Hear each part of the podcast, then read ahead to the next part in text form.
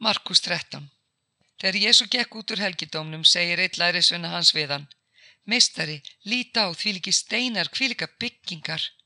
Jésu svaraði honum Sérðu þessar miklu byggingar, ekki mun eftir látin stein yfir steini er eigi sé niður brotin.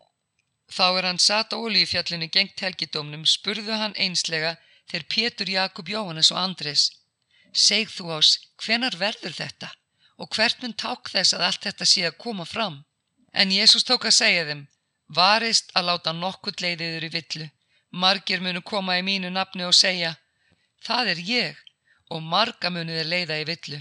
En þegar þér spyrji hernað og ófríðar tíðindi þá skjelvist ekki. Þetta á að verða, en endirinn er ekki þar með komin. Þjóðmun rísi gegn þjóð og ríki gegn ríki og þá verða landskjáltar á ímsum stöðum og hungur. Þetta er upphaf fæðingarhíðana. Gæti það sjálfum yður, menn munu draga yður fyrir domstóla, í samkundum verði þér húðstryktir og þér munu letti fyrir landsöfðingja og konunga mín vegna, þeim til vitnisspurðar. En fyrst á að pritika öllum þjóðum fagnaðar erindið. Þegar menn taka yður og draga fyrir rétt, hafi þó ekki fyrirfram áhugir af því hvað þér eigið að segja, heldur tali það sem yður verið gefið á þeirri stundu. Þér eruð ekki þeir sem tala, heldur heilagur andi. Þá mun bróðir selja bróður í dauða og fadir bart sitt. Börn munu rýsa gegn foreldrum og valda þeim dauða. Og þér munu hata þér af öllum vegna naps míns. En sá sem staðfastur er allt til enda, mun hólpin verða. En þegar þið sjáu viðustig eðingarinn að standa þar, er ekki skildi, lesandi aðtviða, þá flýi þeir sem í júti eru til fjalla. Sá sem er uppi á þakki far ekki ofan og inn í húsið að sækja neitt og sá sem er á agri skal ekki hverfa aftur og taka yfirhöpp sína. Veið þeim sem þungar eru eða börn hafa brjósti á þeim dögum. Byðjið að það verði ekki um vetur. Á þeim dögum verður svo þrenging sem enginn hefur þvílík verið frá upphafi sköpunar. Er Guð skapaði allt til þessa og mun aldrei verða.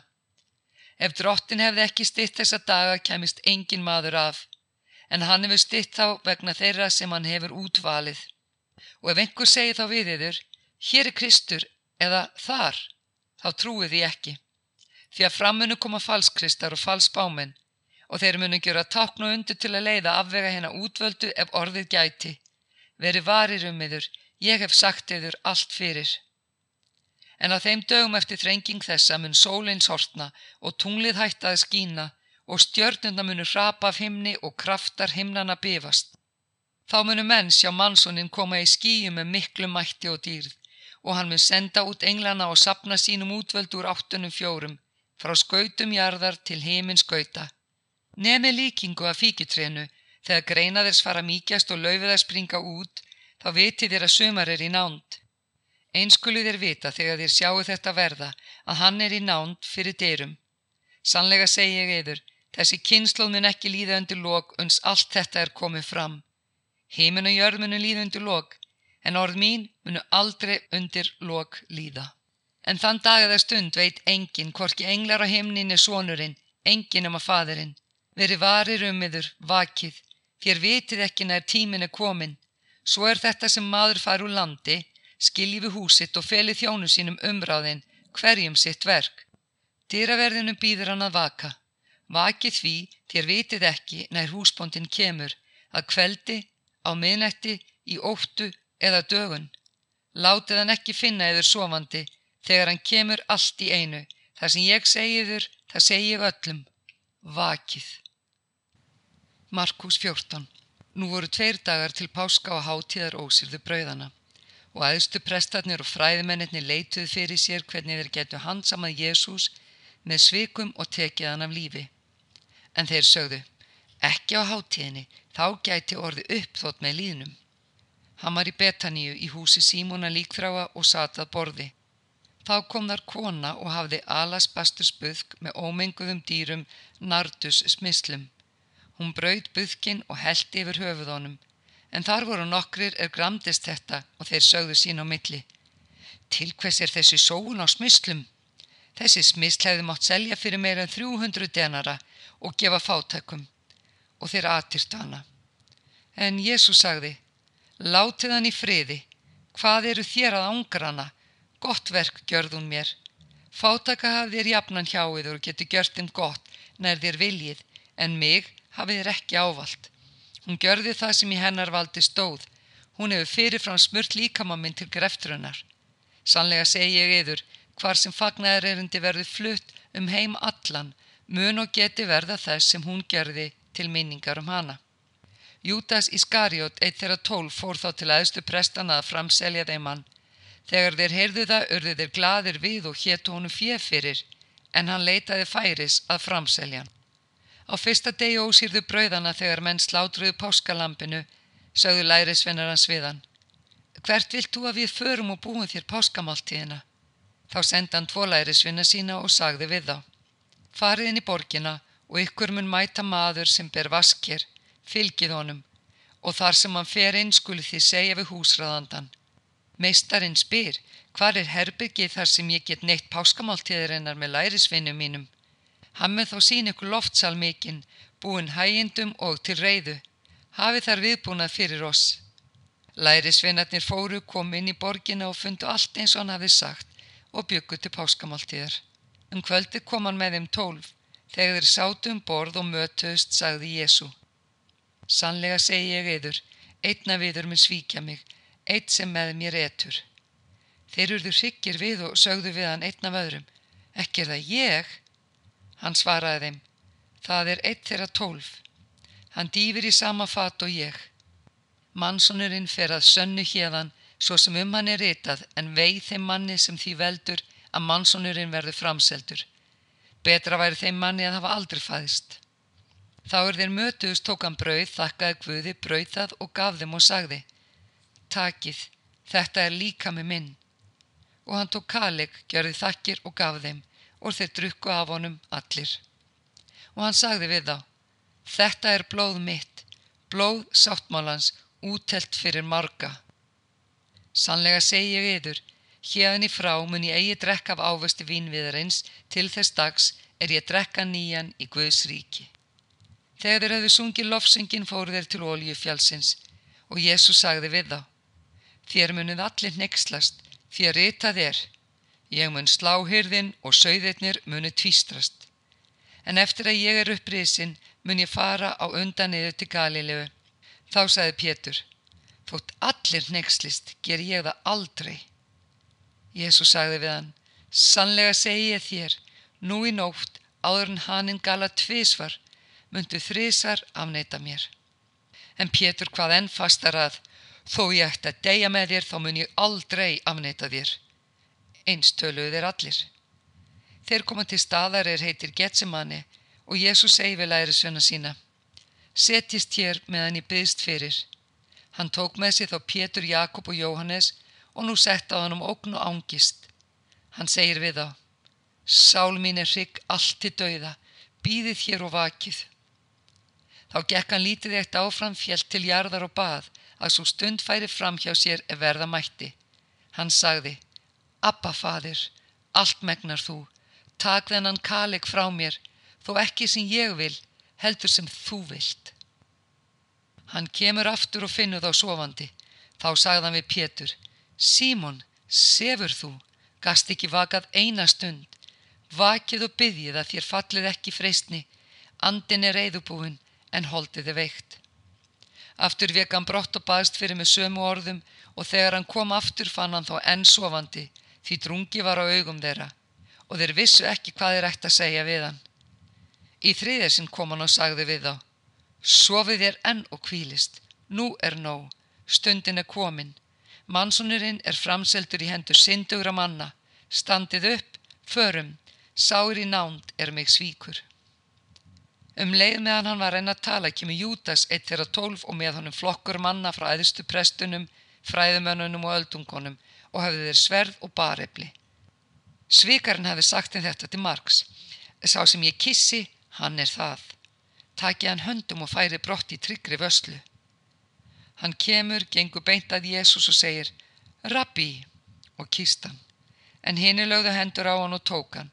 Eitt þeirra er hjá stóðu brá sverði, hjó til þjóns aðstapressins og sneið af honum eirað. Þá saði Jésu við hann, eru þér að fara að mér með sverðum og baröplum eins og gegn ræningja til að handtaka mig?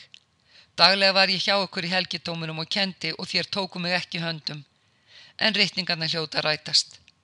Þá yfirgáfa hann allir lærisvennar hans og flýðu, en maður nokkur ungur fyldist með honum. Hann hafi línklæði eitt á berum sér. Þeir vildu taka hann, en hann let eftir línklæðið og flýði nakin. Nú færði þeir Jésu til aðista pressins. Þar komu saman allir aðistu prestarnir, öldungarnir og fræðimennir.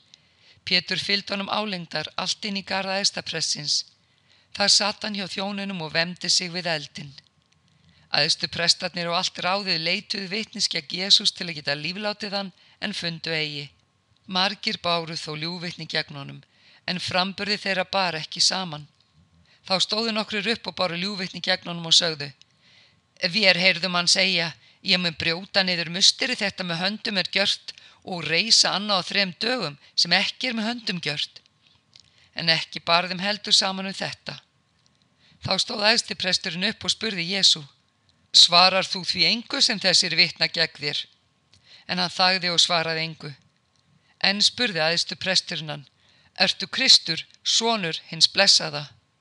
Jésu sagði, Ég er sá og þér munið sjá mannsónin setja til hægri andar máttarins og koma í skýjum heiminsins.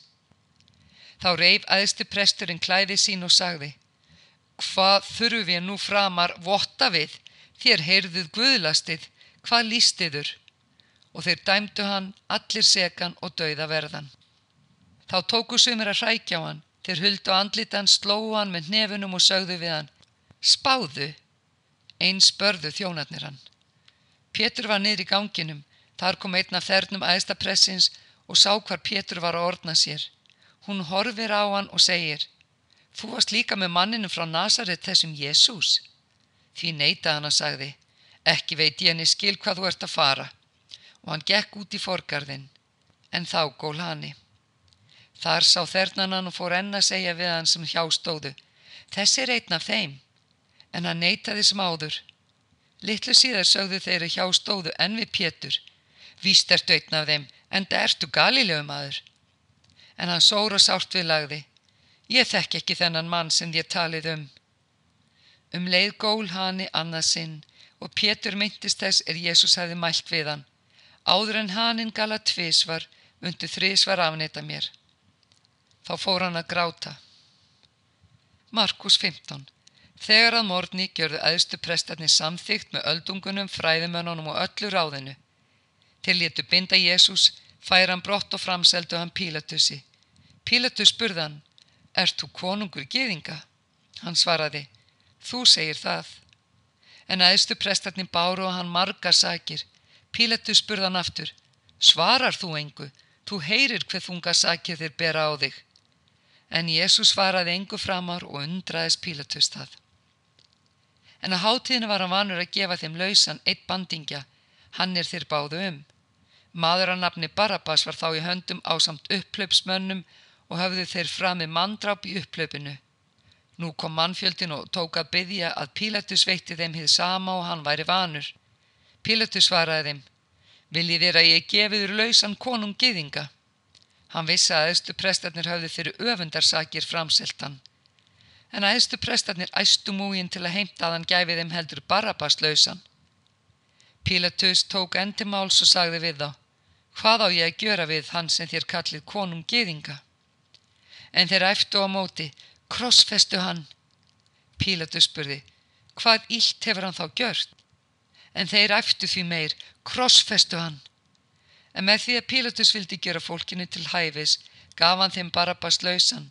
Hann létt hústrykja Jésu og framseldi hann til krossfestingar.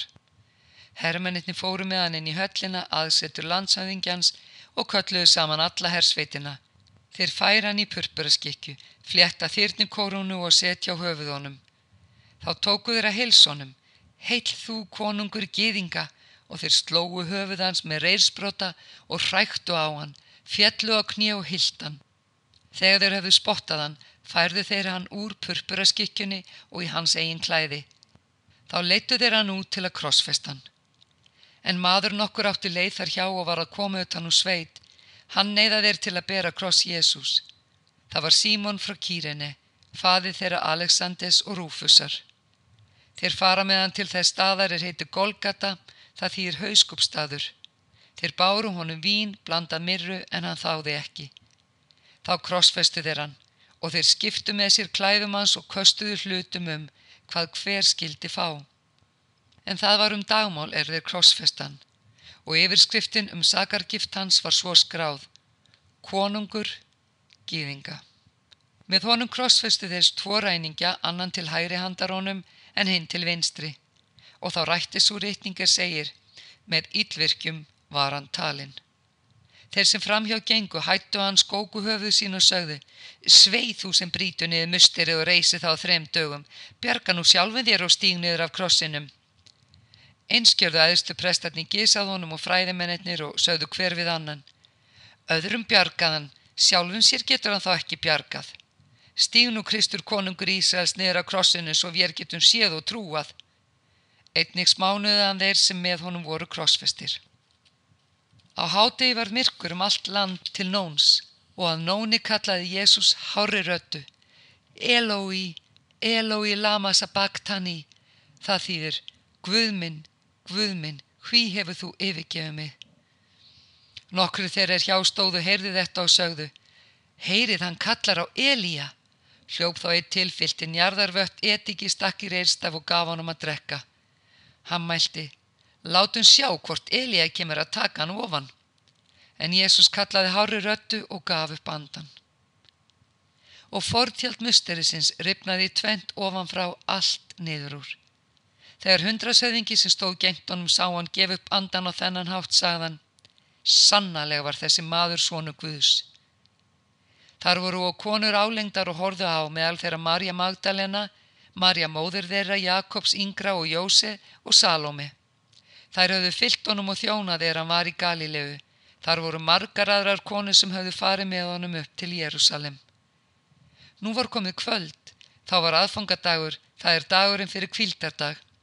Þá kom Jósef frá Arimathegu, guöfugur ráðseraði sjálfurvænti Guðs ríkis. Hann dyrðist að fara inn til Pílatusur og byggja um líkama Jésu. Pílatus furðað á að hann skildi þegar vera andaður. Hann kallaði til sín hundrasvæðingjan og spurði hvort hann veri þegar látin og er hann varði svís hjá hundrasæðingjanum, gaf hann Jósef líkið. En hann kefti línklæði, tók hann ofan, sveipaði línklæðinu og lagði í gröf, högna í klett og velti steini fyrir gravarmunan. Marja Magdalena og Marja móður Jóse sáu hvar hann lagður.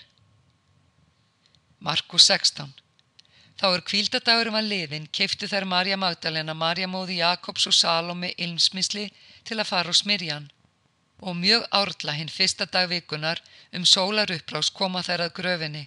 Þær sögðu sín á milli. Hver mun velta fyrir á steinunum frá gravarmunanum? En þegar þær líta upp, sjá þær að steininum hafði verið velt frá en hann var mjög stór. Þær stíga inn í gröfina og sjá ungan mann sitja hægra megin klættan hvítri skikki og þær skeldust. En hann sagði við þær, skelvist eigi. Þér leitið að Jésu frá Nazaretinum krossfesta. Hann er upp, risin, hann er ekki hér. Sjá þarna er staðurinn þar sem þið lögðan, en farið og segi læri sveinum hans og Pétri. Hann fer á undan niður til Galilegu, þar muni þér sjá hann eins og hann sagðiður. Þær fóru út og flýðu frá gröfinni því ótti og ofbóð var yfir þær komið. Þær sögðu engum frá neinu því þær voru hrættar. Þegar hann var upprisin árla hinn fyrsta dag vikunar, byrtist hann fyrst Marju Magdalenu en út af henni hafði hann rekið út sjö illa anda. Hún fór og kunngerði þetta þeim er með honum hafðu verið og hörmuðu nú og grétu. Þá er þeir heyrðu að hann veri lifandi og hún hefði séðan trúðu þeir ekki. Eftir þetta byrtist hann í annari mynd tveimur þeirra þar sem þeir voru á göngu á leið út í sveit. Þeir snýru við og kunngjörðu hinnum en þeir trúðu þeim ekki heldur.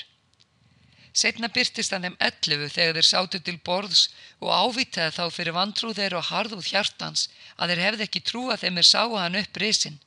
Hann sagði við þá, farið út um allan heim og pretikið fagnarerindið öllu mannkinni. Sá sem trúur og skýrist mun hólpin verða, en sá sem trúur ekki mun fyrirdæmdur verða. En þessi takk munu fylgja þeim er trúa.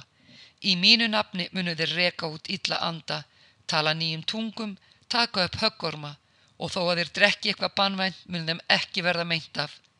Ef við sjúka munum þeir leggja hendur og þeir munum verða heilir. Þegar nú drottin Jésús hafi talað við þá, var hann uppnuminn til heimins og settist til hægri handar Guði. Þeir fóru og pretuguðu hvarvetna, en drottin var í verki með þeim og staðfesti bóðum þeirra með táknum sem henni fyldu.